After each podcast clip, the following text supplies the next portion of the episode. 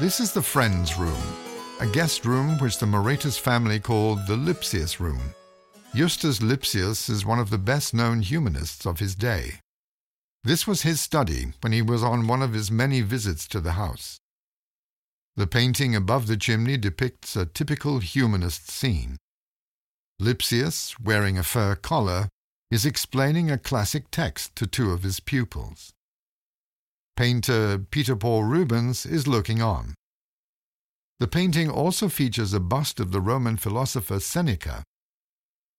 Seneca is the symbolic father of this company, and his portrait hangs next to the chimney.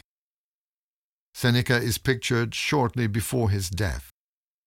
He is a Stoic, someone who perseveres with equanimity during difficult times, and even when facing death.